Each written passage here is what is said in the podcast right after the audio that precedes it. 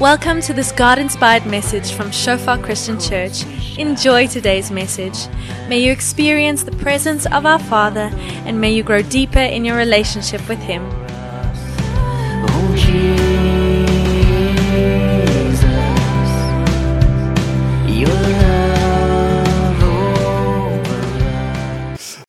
wat wonder wie ek is, ek is Wian, ek is die pastoor van hierdie wonderlike gemeente en is lekker om hierso te wees ver oggend en na die gesigte kyk wat hier hulle huis maar ook vir die wat ons besoek. Net vir julle sê dankie dat julle hier ver oggend by ons kuier en ons hoop dat julle ook 'n huis soos ons in het wat julle familie noem, wat julle vriende noem, nie net 'n klomp vreemdelinge saam met wie julle in 'n gebou sit op Sondag nie, maar regtig mense saam met wie julle familie doen. As julle nie het, jy wil ons julle uitnooi om hier saam met ons te kuier, maar as jy van 'n sekere gemeente afkom, laat dit jou huis wees en groei daar waar God jou plant en bly daar en bemoedig die mense en bou hulle op en besef dat daar waar jy is, het God jou geplant vir 'n rede, nie net om te ontvang nie, maar ook om te gee. Ons is die laaste ruk besig met 'n klein preekreeks, 'n myl in die skoene van. En wat ons doen is ons kyk in die Bybel na sekere karakters in skrif en loop 'n myl in hulle skoene en kyk wat ons uit hulle storie kan leer. En die laaste ruk was ons besig gewees met Timoteus en die van julle wat deel 1 en 2 gemis het net om vinnig te recap. Wat ons gesê het soos ons na die storie van Timoteus gekyk het is deel 1 het ons die vraag gevra. Hier is 'n jong man wat regtig ver gaan in sy lewe baie vinnig, soveel so dat hy op 'n plek kom waar Paulus hom skryf en sê moenie laat mense jou minag vir jou jonkheid nie, maar stel vir hulle 'n voorbeeld. Mense gaan dink jy's bietjie jonk. Jy moes meer ervaring gehad het, jy moes 'n bietjie meer, jy weet, lesse deur die lewe geleer het, maar jy vir hulle 'n voorbeeld kan stel. So hy het vinniger verder gegaan as meeste mense in die lewe en die vraag wat ons wil weet is hoekom? Sodat ons daai selfde gesindheid kan hê, sodat dieselfde waar kan wees vir ons en ons het gesê dis Timoteus se leerbaarheid. Hy het 'n leerbare gees gehad om te ontvang van mense en as ons dieselfde het in elke aspek van ons lewe, maak nie saak waaroor dit gaan nie. Familie, werk, kerk, finansies, om ons kinders groot te maak, enigiets as ons leerbaar is en ons kan ontvang van die mense om ons en vir die regte mense gaan vra. Soos omhoog wat gesê het hy het 41 jaar omhoog en 3 maande by Sasol gewerk. As jy wil iets weet van dit, gaan praat met omhoog, leer daai les dat ons vinniger verder kan gaan in lewe. Dat ons kan leer by die mense. As jy ietsie wil weet van rappie coaching, gaan vra vir coach Albert. Dat ons vinniger verder kan gaan, maar ons het die regte mense om ons, ons het die Paulusse om ons, maar ons moet net die vrymoedigheid hê om te vra en vir dit om te gebeur, daai nederigheid moet in ons lewens wees. Nederigheid en identiteit. Want ek is nie bang om vir mense te vra nie want hulle gaan weet okay ek weet dan nie lekker nie of ek verstaan dalk verkeerd of ek doen iets nie reg nie maar wat ek nie weet nie wat ek nie verstaan nie en wat ek verkeerd doen bepaal nie my identiteit nie. Ek is 'n seun van God. Ek is 'n dogter van God. Daarom het ek die vrymoedigheid en die nederigheid om te sê hey ek weet nie wys my. Ek doen iets nie reg nie kom ondersoek my. Ek verstaan iets nie lekker reg nie leer my. Dan kan ons vinniger verder gaan in lewe. Die tweede ding wat ons toe gesê het, okay, ons sien Timoteus gaan vinniger verder, maar deel 2, hoe kan ons sterker vir langer bou? En soos vir die eerste deel, waar is vir elke deel van ons lewe, wou ons spesifiek fokus op deel 2, maar ewigheidswaarde. Hoe bou ek goed wat tot in ewigheid sal bly staan? En ons sien in 1 Korintiërs 3 vers 9 dat ons is die gebou van God. Jesus is die fondasie. Dit sal vir ewig bly staan. Gelowiges saam tot in ewigheid. Ons dienswerk is om die liggaam van Christus op te bou, maar vir dit om te gaan moet gebeur, gaan ons 'n ander georiënteerde lewe moet hê. Moenie net na jou eie belange omsien nie, maar ook na die belange van ander. Filippense 2 vers 4, sodat ons gelees het saam. Hierdie manier van dink wat julle sin is in Christus wat sy lewe kom neerlê het vir ons. En dan vandag kyk ons na deel 3. 'n Woord van volharding vanuit death row of doodsreël Paulus wat sit en hy's op death row. Hy gaan enige tyd nou doodgemaak word. Sy laaste brief wat hy skryf uit Timoteus uit en hy skryf hom om te volhard. Ek het gevolhard en ek wil hê jy moet volhard. Maar voordat ek inspring, kom ek open net vir ons in gebed. Ja Here, dankie dat ons vanoggend hier kan wees, Vader en Ja net iets van die liefde sien, Here, iets van die karakter, Vader, iets van ja, U wat ons gemaak het, Vader, vir familie, Here. Hoe mooi is dit, Here, as 'n groep mense nie saam by mekaar kom, Vader, en saam bid en hulle stemme oplig na Heilige God vir een rede, nie, Here. Ons kom saam as familie, Vader, en ons wil vir klein Joshua, Here, oprig sodat hy 'n man van God sal wees. 'n Wonderlike ding, Here, en so kom ons ook saam, Vader, as gemeente vanoggend, Vader, en sê, Here, ons wil U dienswerk doen, Here. Ons wil u koninkryk sien kom en ons wil u wil op hierdie aarde laat geskied, Here. Gebruik ons. Hier is ons. Stuur ons. En dankie Here dat ons saam kan kom in daai eenheid. Dankie Heilige Gees dat u hier is. Die een wat ons saam hou. En dankie Jesus vir u voorbeeld op die kruis, Here. Die offer Vader sodat ons met vrymoedigheid tot die Vader kan nader. 'n Weg gemaak, Here, wat ons nooit sou kon nie. Voorreg vanoggend, Here, om hier te kan sit, Here. Net te kan ervaar, Here, met u te kan praat, Here. Die gedagte, Here, dat die God van die heelal luister as ons ons gebede oplig of soos ons gesing het vanoggend, Here. Wat 'n gedagte. Ons sê vir u dankie vir u goedheid in Jesus naam. Amen. Timoteus deel 3, 'n woord van volharding vanuit doodsreël of death row. Net om 'n bietjie konteks te skep hierso en ek ek verstaan daar's ons 'n groot Christelike leerstelling, jy weet Calvinism soos wat hulle dit noem of eintlik beter gestel Augustinianism, hy's een wat met dit begin het. Maar dat 'n gelowige nie sy verlossing kan verloor nie. Ek weet nie hoe hoe gaan ons hierso nie, maar dalk kan jy vir jouself dink ons as gelowiges, ons 'n groot groep mense wat nogal hulle storie ken rondom die skrif.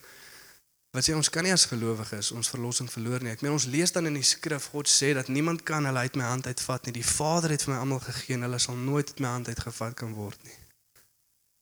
Maar dan lees ons ook soos wat ons laas keer gesien het in Filippense 3 dat Paulus skryf dat baie van wie ek julle vertel het, vertel ek julle nou met trane in my oë, loop as vyande van die kruis van Christus.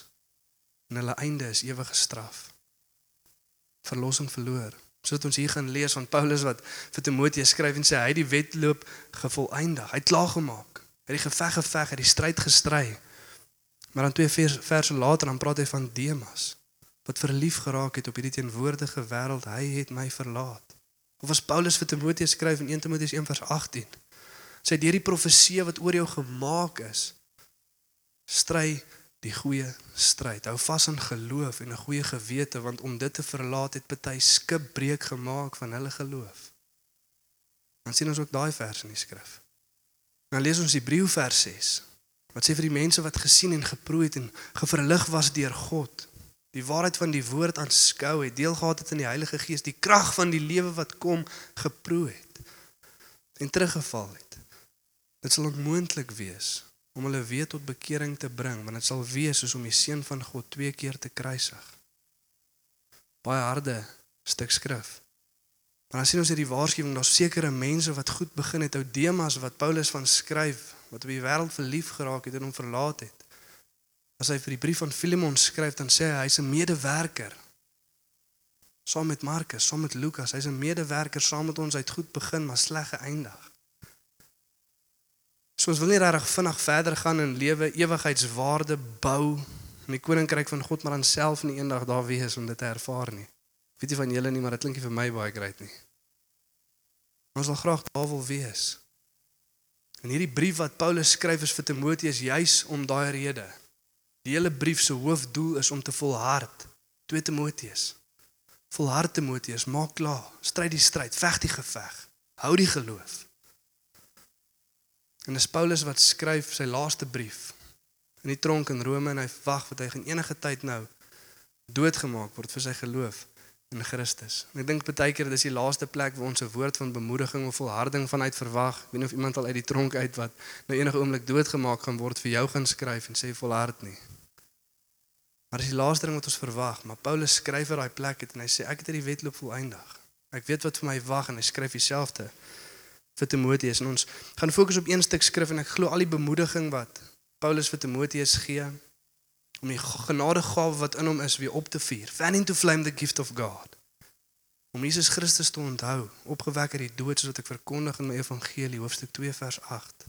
Als van daai goeders, al daai bemoediging kom saam in hierdie laaste paar woorde wat Paulus vir Timoteus skryf en as ons hierdie laaste beveel wat hy vir hom gee ter harte neem en daai selfde beveel in ons eie lewe toepas, dan sal ons ook volhard, want die res word daarin vasgevang. So ons gaan lees uit 2 Timoteus 4 van vers 1 tot 8. En ek het vir ons die belangrike woorde sodat ons deur hierdie stuk skrif lees net geonderstreep. Net om vir ons 'n voorbeeld te wys sodat as ons deur die skrif lees, watse woorde moet ek oplet as ek wil sin maak van 'n stuk skrif? Wat wys na wat toe? Hoe sit ek hierdie ding in mekaar? Hoekom sê hy hierdie snaakse woorde? Paar eenvoudige woorde wat altyd as ons deur die skrif loop lees vir ons sal wys Waartoe verwys wat? Hoe werk goeder saam? En wat is die uitvloei van sekere goed? So kom ons lees lekker saam. En dan kyk ons wat ons kan leer. 2 Timoteus 4 van vers 1 tot 8. Ek beveel jou voor God en voor Christus Jesus wat die lewendes en die dooies sal oordeel. Ek beveel jou met die oog op sy koms en sy koningskap. Wanneer ook al ons daai woordjie en sien dan sit dit twee goed bymekaar. Hierdie twee goed gaan altyd saam. Ek beveel jou met die oog op sy koms en sy koningskap. Verkondig die woord. Hou aan, tydig en ontydig. Daar's een Afrikaanse sê ding in sy kas in. Daar's 'n tyd en plek vir alles. Lyk my nie vir die woord nie. Tydig en ontydig. Breek die woord. Die twee goed gaan saam, nie net tydig nie, nie net ontydig nie. Weer lê bestraf vermaan in alle lankmoedigheid en lering. Partykeer het ons lankmoedigheid en ons sit daar en treur saam met die mense, maar ons leer hulle niks. Partykeer leer ons hulle iets, maar ons treur nie saam met hulle nie. Altyd moet daar wees lankmoedigheid en lering, wees daar by hulle, want hier's die rede hoekom jy hierdie gaan moet doen. Daar sal 'n tyd wees wanneer hulle die gesonde leer nie sal verdra nie, maar maar is 'n kontras. Omdat hulle in hulle gehoor gestreel wil wees of soos die Engels sal sê itching ears. Waar hulle 'n menigte leraars sal versamel volgens hulle eie begeerlikhede. En die oor sal afkeer van die waarheid en hulle sal wend tot fabels. Maar kontras, wees jy in alles nigter. Ly verdrukking, doen die werk van 'n evangelis, vervul jou bediening, want ek word al reeds as 'n drankoffer uitgegiet en die tyd van my heengaan is naby. Ek het die goeie stryd gestry. Ek het die wedloop volëindig. Ek het die geloof behou. Verder is vir my weggelê 'n kroon van die geregtigheid wat die Here, die regverdige regter, my in die dag sal gee en nie aan my alleen nie, maar ook aan almal wat sy verskyning liefgehad het. En ek wil ons almal bemoedig sodat ons deur die skrif lees gaan onderstreep daai daai woordjies wat vir ons uitstaan sodat ons kan sê hoe die skrif mooi in mekaar pas en wat wys na wat toe en as ons daai woordjies want of vir daai rede sien dan kan ons dit albei kante toe lees. Doen hierdie want die volgende gaan gebeur of omdat hierdie gaan gebeur doen die volgende. Ek wil jy regtig bemoedig daarmee maar om terug te kom by die teks daai vers 7 daai heel eerste twee lyntjies wat ons sien ek hoop en ek bid dat dit is waar elkeen van ons heen beweeg dat ons op 'n tyd en 'n plek in ons lewe gaan kom waar ons dieselfde kan sê as Paulus. Ek glo dat niemand hierso wil nie daai woorde eendag sê nie. Dat ons op 'n plek kan kom waar ek sê ek het die goeie stryd gestry, ek het die wedloop volëindig, ek het die geloof behou. Niemand wil sê nee, hulle het my koud geslaan. Ek het getrip oor daai hekkie en ek weet nie waar die geloof mee is nie. Niemand wil dit sê nie. Maar ons wil behou. Ons wil daar wees. En duidelik sien ons dadelik wat Paulus ook hier skryf. Dit gee ons 'n bietjie 'n indikasie van wat die Christelike lewe van ons gaan verwag. Hy sê nie ek het die lekker wandel in die parkie geniet nie. Hy sê nie ek het deurgedruk met daai vakansie by die strand nie. Hy sê ek het die stryd gestry, boksgeveg. Ek het die geveg geveg. Was moeilik, maar ek het deurgedruk. Ek het die wedloop voltooi nie 'n 100 meter sprint nie, maraton. Was maklik om te begin hardloop, maar skort volharding om aan te gaan. Ek het dit klaar gemaak. Vir ons om perspektief te sit as ons dieselfde wil sê, dan gaan ons daai selfde mentaliteit moet hê. Hierdie gaan nie altyd maklik wees nie, maar dit gaan nie moeite werd wees hoekom. Verder is daar vir my weggelê die kroon van die geregtigheid wat die Here die regverdige regter my in die dag sal gee. En nie aan my alleen nie, maar ook aan almal wat sy verskyning liefgehad het. Ek weet waartoe ek werk. Ek sit julle gaan my nou doodmaak vir my geloof. Maar is die moeite werd as ek dink aan wat vir my wag? En ons het laasweek ook bietjie daarna gekyk, die oomblik as ons daai persepsie verloor, daai perspektief wat ons het op die lewe laat sak en op die dinge van hierdie wêreld begin fokus verby. En net soos wat hierdie mooi woorde is wat ons hoor wat ek gesê twee verse later dan skryf hy van Demas omdat hy die teenwoordige wêreld lief gekry het, het hy my verlaat. Of as die nuwe lewende vertaling sal sê die dinge van hierdie wêreld lief gekry het.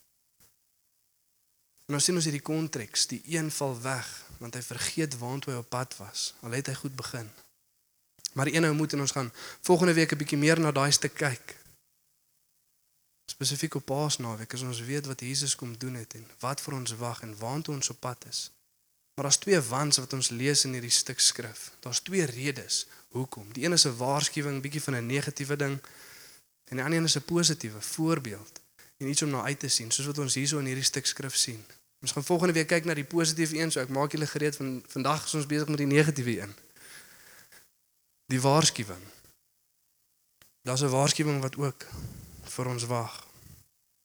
Maar die hoofdoel waarvoor Paulus vir Timoteus skryf word hier vasgevang in vers 5. Dit sê in 2 Timoteus 4 vers 5. Maar wees jy in alles nigter. Ly verdrukking. Doen die werk van die evangelis. Vervul jou bediening. Die Nuwe Lewende Vertaling sê dit mooi. Dit sê voltooi die bediening wat God aan jou toevertrou het. Voltooi die bediening. Dit beteken nie jy weet Timoteus, daar's nog een ding wat jy moet doen. Die werk van die evangelis gaan gou-gou spaar toe, gaan vertel iemand daarso van die evangelie dan sê klaar nie. Nee. Ek bedoel nie sê die laaste puzzelstukkie nie. Hy sê hou aan bou, daar's nog 'n lang tyd wat voor lê.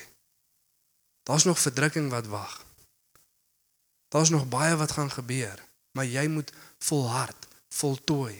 Jy weet dalk sit ons hierso en jy dink by jouself, ek weet nie lekker hoe is hierdie van my van toepassing nie want ek is nie in die bediening nie.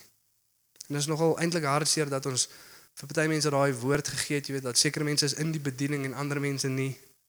Of die voltydse bediening en ander nie. Want laasweek het ons gesien, Efesiërs 4 vers 12. Die mense wat ons sê in die bediening is, se werk is om die heiliges toe te rus vir hulle dienswerk. Hulle dienswerk is om Christus se liggaam op te bou. Ons almal is in die bediening.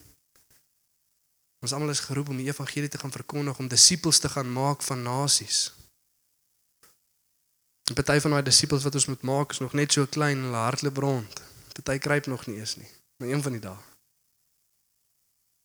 Maar vir hulle moet ons oprig en die woord van God aan hulle verkondig. Dit is wat God ons voorgeroep het, die werk van die bediening. En ons 'n paar goeters wat Paulus vir Timoteus sê waarop hy moet fokus. En die eerste een is: Wees jy in alles nigter. Dit beteken nie moenie bier saamvat na elke kuier toe nie. Hy sê net soos wat dit jou beïnvloed. As jy te veel drink en nie meer nigter kan dink oor 'n situasie nie, so gaan daar ander goed kom wat jou ook gaan beïnvloed en hy sê moenie laat goed jou beïnvloed nie. Die persepsies van mense, die vrees van die wêreld, tradisie. Wees jy nigter. Kyk jy altyd na die woord van God en laat hom toe om jou te lei. Dit een van die goed wat ek en Robin die laaste paar weke geleer het, Robin is my vrou, soos wat ons voor Piet gaan sien het, is die konsep van selfkommunikasie. Hoe ek toelaat dat sekere goed my beïnvloed op lewe en dan het ek nie meer lekker nigter insig op lewe nie. En hy skryf vir Timoteus net soos wat hy vir hom sê wees nigter in alle omstandighede. So dink Timoteus ook terug, maar wat is die goed wat my beïnvloed en daai is die vraag wat ons onsself ook moet vra vanoggend. Wat laat ek toe dat my beïnvloed? En die maklikste oplossing om altyd nigter te bly is om alles na God toe te vat in gebed. Want hy is die een wat altyd nigter is. Sy persepsie word nooit geswaai nie. Hy's nooit beïnvloed nie, maar hy sal altyd vir jou die waarheid kom spreek in daai situasie. Nie altyd wat ons wil hoor nie. Maar hy sal dit kom doen. Ly verdrukking. Amen. Kan ons daai post op Facebook later. Ly verdrukking. Geniet jou maandag môre. Lyfverdrukking, hoekom sê Paulus dit vir Timoteus? Want die Bybel sê vir ons almal wat God vrugtig wil lewe sal vervolg word. Daar sal verdrukking kom as jy regtig God volg met alles in jou en die beveel wat hy nou vir hom gegee het en ons gaan nou daarby uitkom. As jy dit ter harte neem en dit altyd doen, dan sal verdrukking ook kom. Maar gaan deur die verdrukking, want die enigste manier om dan uit die verdrukking uit te kom as dit gevolg is van goddelikheid is dit om buite lyn te gaan met God se woord, buite lyn met die evangelie van Christus. Nou kom 'n verdrukking oor my pad en is dalk die finansiële en die enigste manier hoe ek uit die verdrukking kan uitkom is ek besigheid doen op 'n oneerlike manier. Of as ek nie my finansies hanteer soos wat God dit van my verwag nie, bly verdrukking gaan deur, maar wees jy belyn met die evangelie. Nou is daar 'n groep mense en ek het die waarheid van die woord aan hulle verkondig. Nou raak hulle bietjie opstandig teenoor my. Moenie die woord van God afwater nie. Ly verdrukking, maar gaan aan. Maar laat jou lewe in lyn bly met die werk en die boodskap van die evangelie. Doen die werk van die evangelis. Vervul jou bediening. En hy sê dat daar's 'n rede hoekom. Daar's 'n rede hoekom jy moet volhard. Daar's 'n rede hoekom jy hierdie ter harte moet neem. Dit is as volg van die volgende, soos ek sê ons gaan hom oplees boontoe na vers 1 teen van onder af werk. En lees ons in vers 3 tot 4. Hier is die waarskuwing. Want daar sal 'n tyd wees wanneer hulle die gesonde leer nie sal verdra nie, maar omdat hulle in hulle gehoor gestreel wil wees, vir hulle menigte leraars sal versamel volgens hulle eie begeerlikhede. En die oor sal afkeer van die waarheid en hulle sal wend tot fabels of mites. Wat is die kern van die probleem? En Paulus skryf hoofsaaklik vir Timoteus twee goed. Eerstens weet dat jy is geroep om die werk van die bediening te doen om die waarheid van Christus te gaan verkondig. Weet net daar gaan mense wees wat nie altyd wil luister nie, maar weet ook dat daai ore wat juk gaan baie keer jou eie ore wees. Jy gaan 'n geneigtheid hê om deel te wees van hierdie mense. As begeerte oorvat. God se woord sê nie met wat ek wil hoor nie, maar wat die waarheid is. En so is dit die die waarheid vir elkeen van ons wat hier so sit. Daar gaan mense wees en wie ons die waarheid verkondig wat dit nie wil hoor nie, maar ons gaan ook baie keer daai mense wees, wees versigtig. En wat sê die skrif? Wat is die kern van die probleem? Volgens hulle eie begeerlikhede. Hulle draai nie van die waarheid af weg omdat dit nie vir hulle sin maak nie. Dis nie 'n kennisprobleem nie. Dis nie omdat ek die waarheid nie ken nie, dis nie omdat dit nie vir my sin maak nie, dis nie omdat dit nie logies of sistematies is nie maar is omdat dit nie belyn met my begeertes nie. So het ons gekyk het die eerste reeks en myle in die skoene van Adam en Eva. Dis een van die goeders wat ons opgelet het. Ons is nie hoofsaaklik goed wat dink nie. Ons is hoofsaaklik goed wat voel. Die mens is nie hoofsaaklik iemand wat dink nie, maar iemand wat voel. Ons word deur begeertes gelei. Ons kies altyd na die sterkste begeerte toe. Dis hoekom as ons dood en sondig sonde is en nie lewendig is tot die dinge van God nie, dan buig ons na die sonde toe. Want dis ons sterkste begeerte. Maar as God ons nie kom lewendig maak nie, dan buig ons nie terug na hom toe nie. En ons almal weet dit is iets wat sin maak in ons lewe want hoeveel keer doen ons die verkeerde ding al weet ons wat die regte ding is om te doen. Wat is die probleem op daai oomblik? My begeerte was sterker om nie die regte ding te doen nie as om die regte ding te doen. My persepsie van God verklein. Ek het die woorde gesing hoe groot is my God, maar ek het dit nie regtig verstaan nie. Want as ek besef het, sou ek teruggebuig het na hom toe. Om altyd die waarheid en die woord en die waardigheid van God voor oë te hou.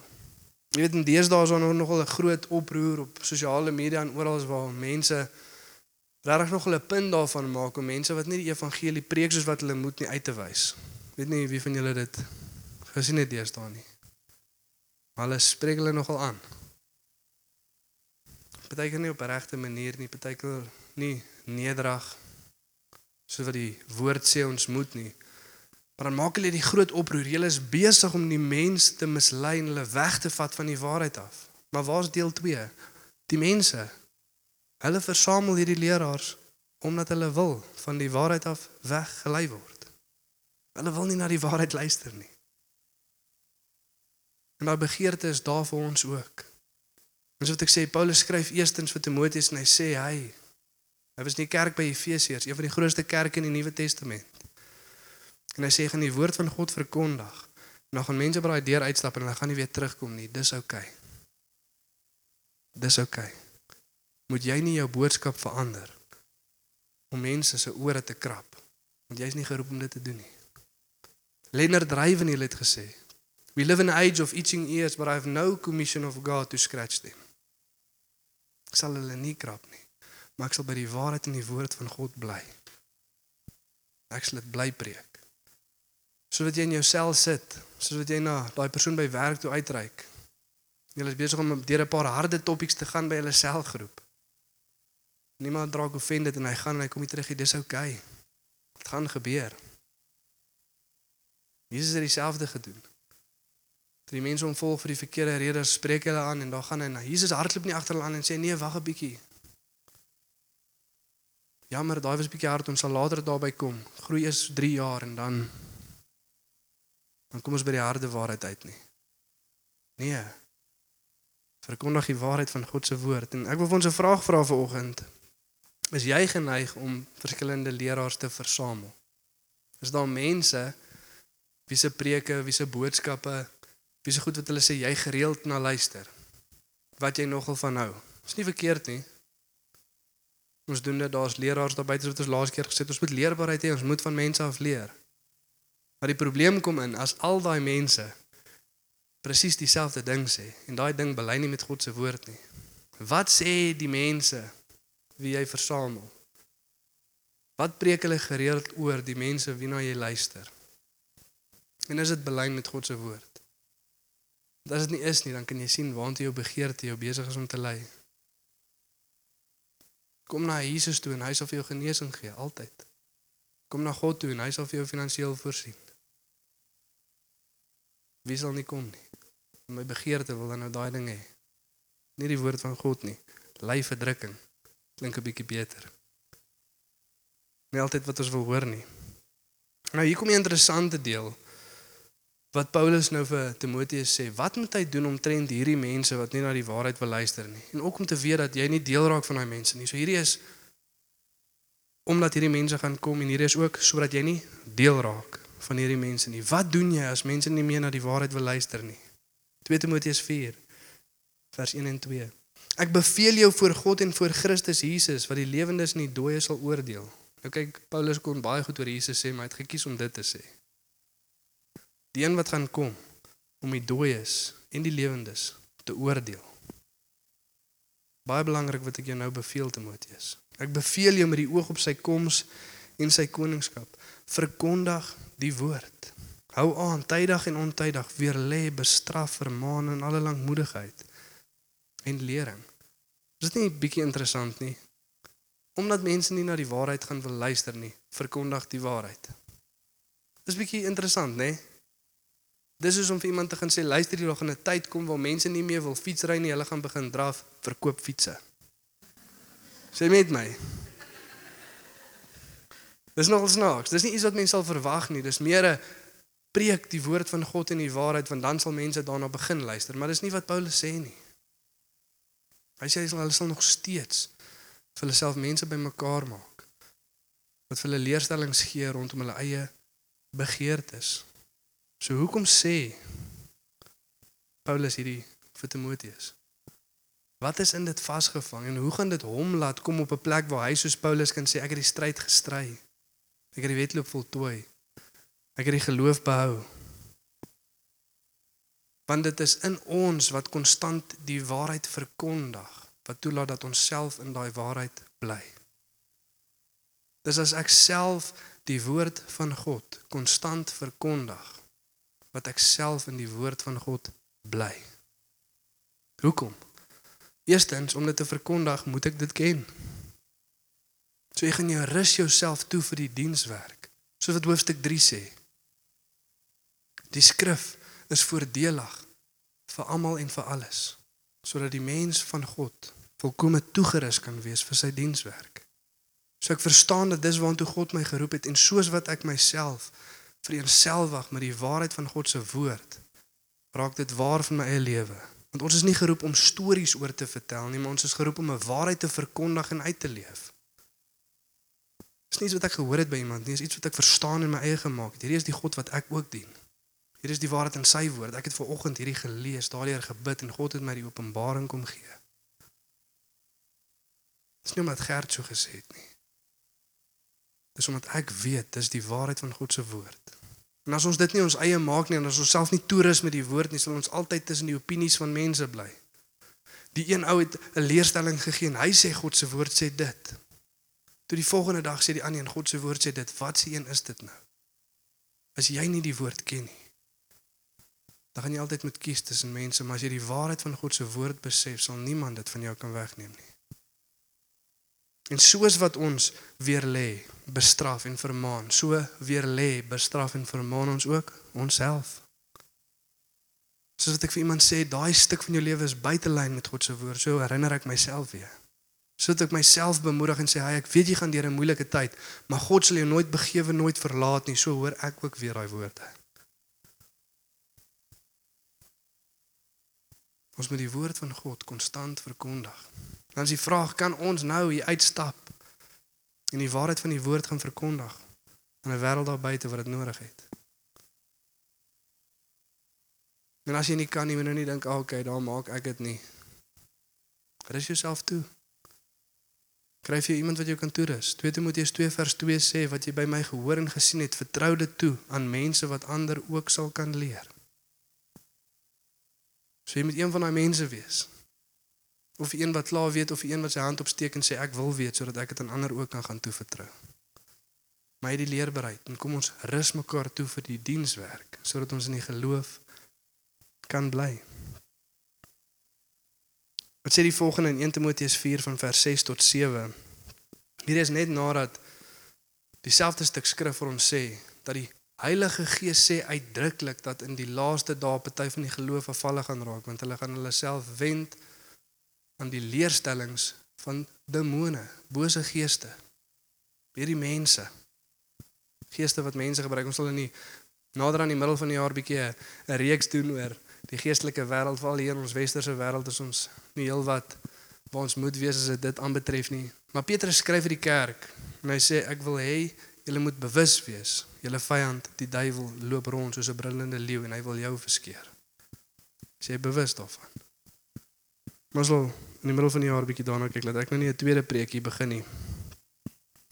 Maar net nadat dit oor daai selfde ding praat van mense wat van die geloof afvallig gaan raak omdat hulle hulle self gaan wend na leerstellings van demone dan sê dit die volgende as jy hierdie dinge aan die broers voorhou as jy hierdie waarheid konstant aan die gelowiges verkondig weer eens breek die woord sal jy 'n goeie dienaar van Jesus Christus wees terwyl jy jouself voed met die woord van die geloof en van die goeie leer waarvan jy 'n navolger geword het maar werp onheilige en ouwydse fabels en oefen jou in die godsaligheid Ek hou van wat die Engels sê, train yourself in the word of God and the good doctrine which you have followed.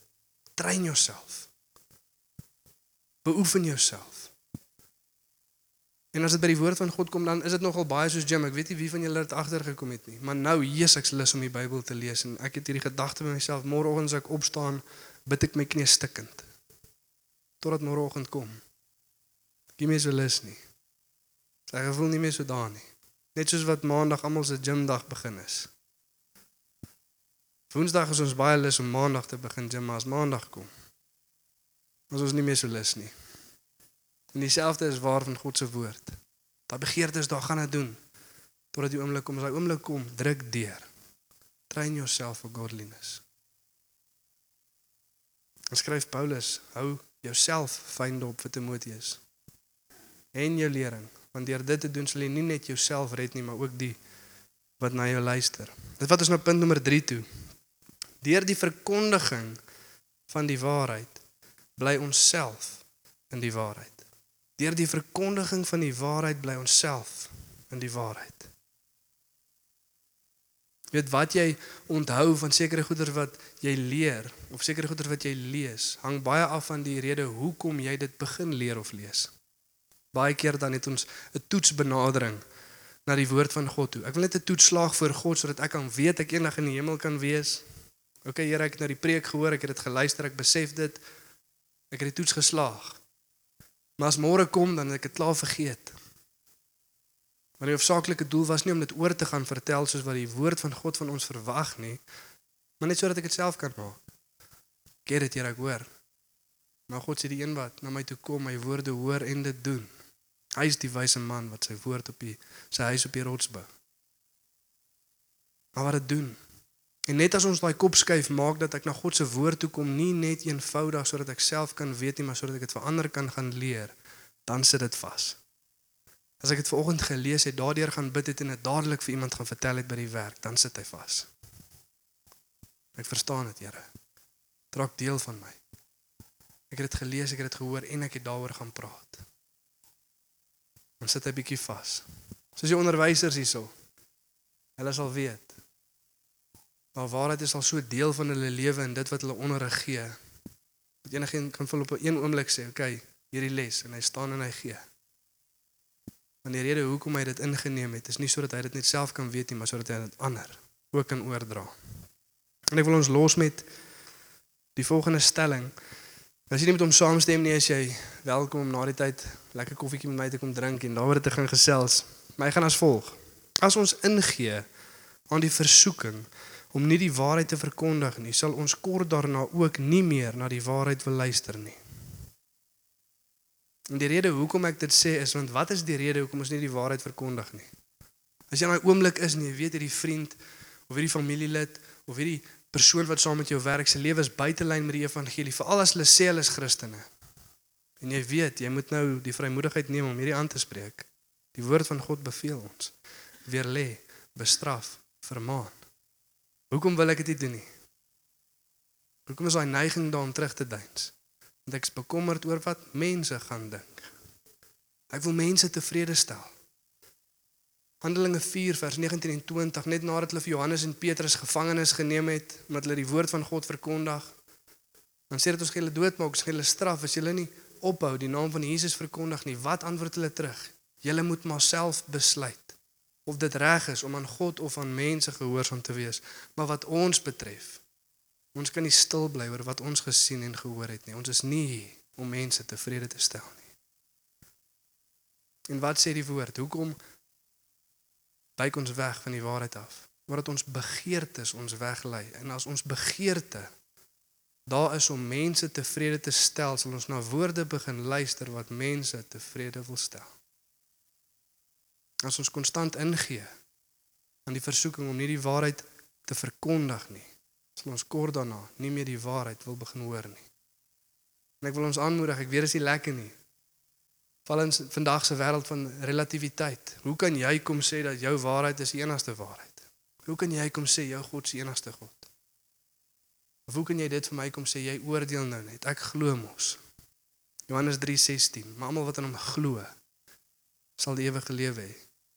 20 verse later, maar die wat hom nie gehoorsaam nie, sal die lewe nie sien nie, maar die straf van God bly op hom. Vermaan, bestraf, bemoedig tydig en ontydig. Maar kom ons gaan opnuut en maak 'n verklaring Here, maar hier sal ons gaan en die woord van God aanhou verkondig, tydig of ontydig.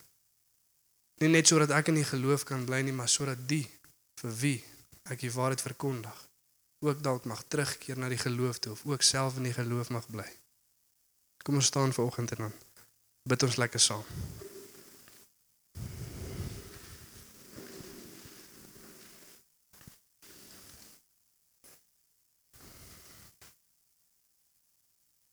Ja, Here, dankie dat ons vanoggend voor U kan kom. Ons self kan kom neer lê, Here. Net eers te kan kom dankie sê, Here. Dankie vir U goedheid, Here. Wat net so konstant is, Here. U wat net konstant kom deur U woord, Here, en ons kom vermaan.